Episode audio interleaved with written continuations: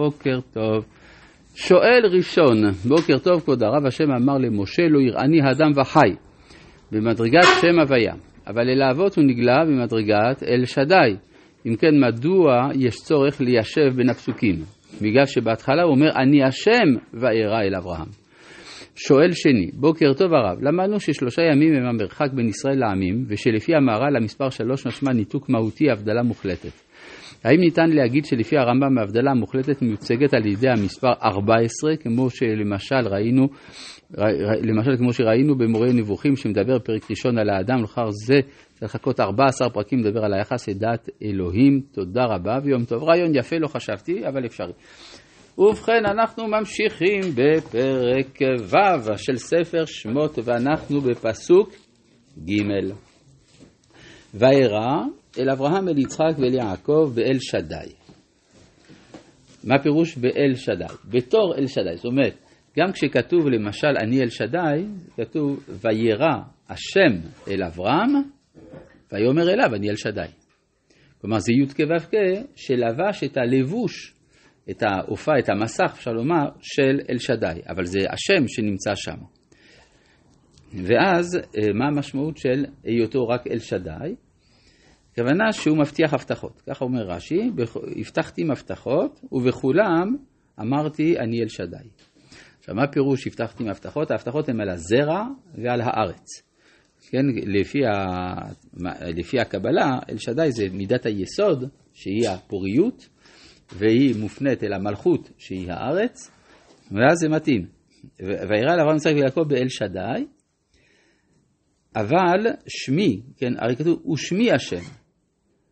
מה פירוש ושמי?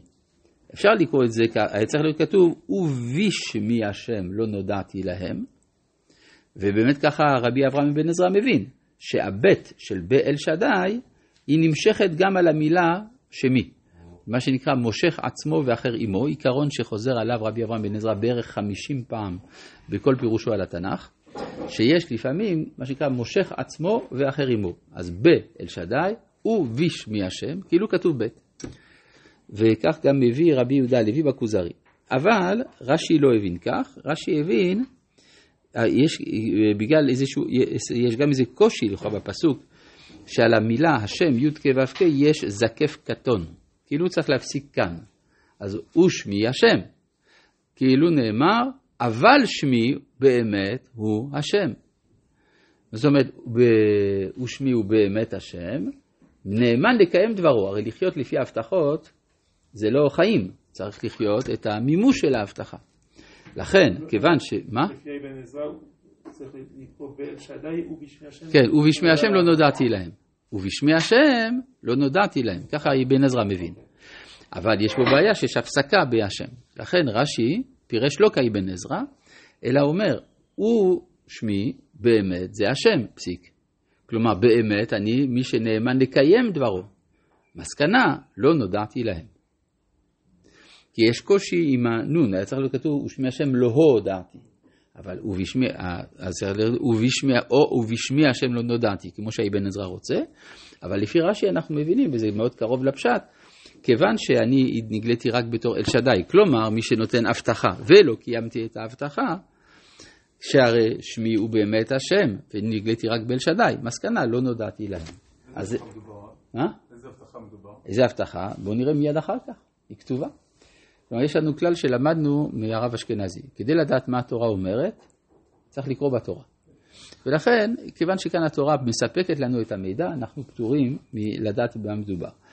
אה, מלנחש, כלומר. מדבר על אבות. כן, כן, אז בואו נראה, מהי ההבטחה שניתנה לאבות? זה, הכתוב אומר את זה במפורש, כך שאני לא זקוק לעסוק בניחוש. כאן פה זה מפורש.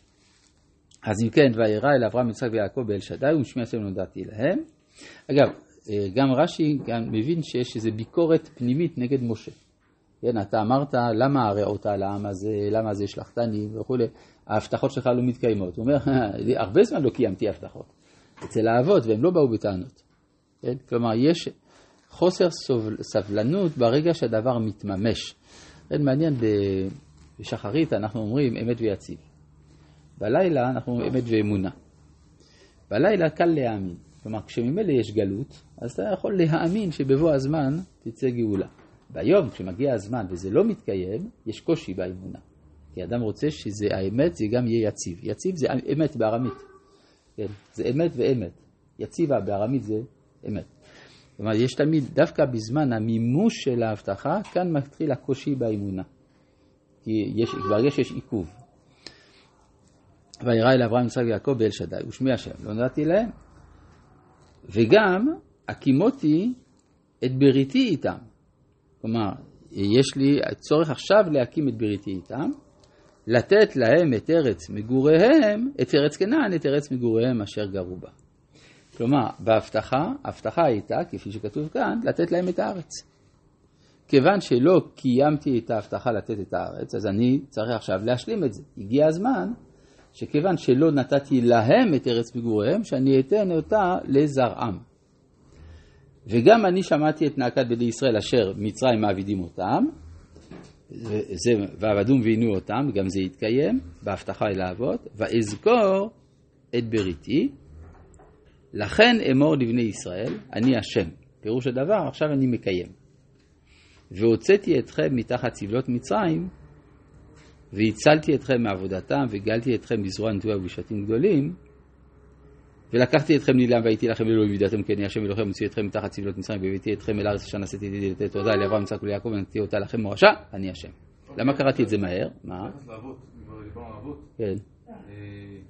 ואברהם שלו מראה שאולי היה צריך לרדת מצרים בגלל רעב, אבל ביצחק, למה הוא לא קיבל את העניין של ארץ ישראל? הוא היה בארץ ישראל, יעקב לא, אבינו גם כן...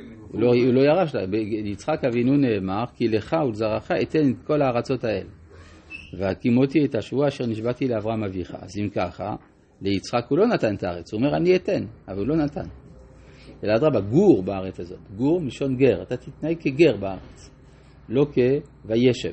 אצל יעקב ניסה לשבת ויצא. זאת אומרת, אה, בארץ מגורי אביו. זאת אומרת, איפה שהוא צריך להיות גר, אי אפשר להתיישב. לכן, אה, הוא לא נתן להם את הארץ, ולכן הגיע הזמן לתת להם. עכשיו, פה אנחנו רואים דבר מאוד מעניין. למה קראתי את זה מהר? כדי שנבין קודם כל את הרקע הכללי של יציאת מצרים. בשביל מה יוצאים ממצרים? אז אפשר לעשות או תיאוריות או לקרוא מה שהתורה אומרת. התיאוריה אומרת, מוציא אותם מארץ מצרים כדי לתת להם את התורה.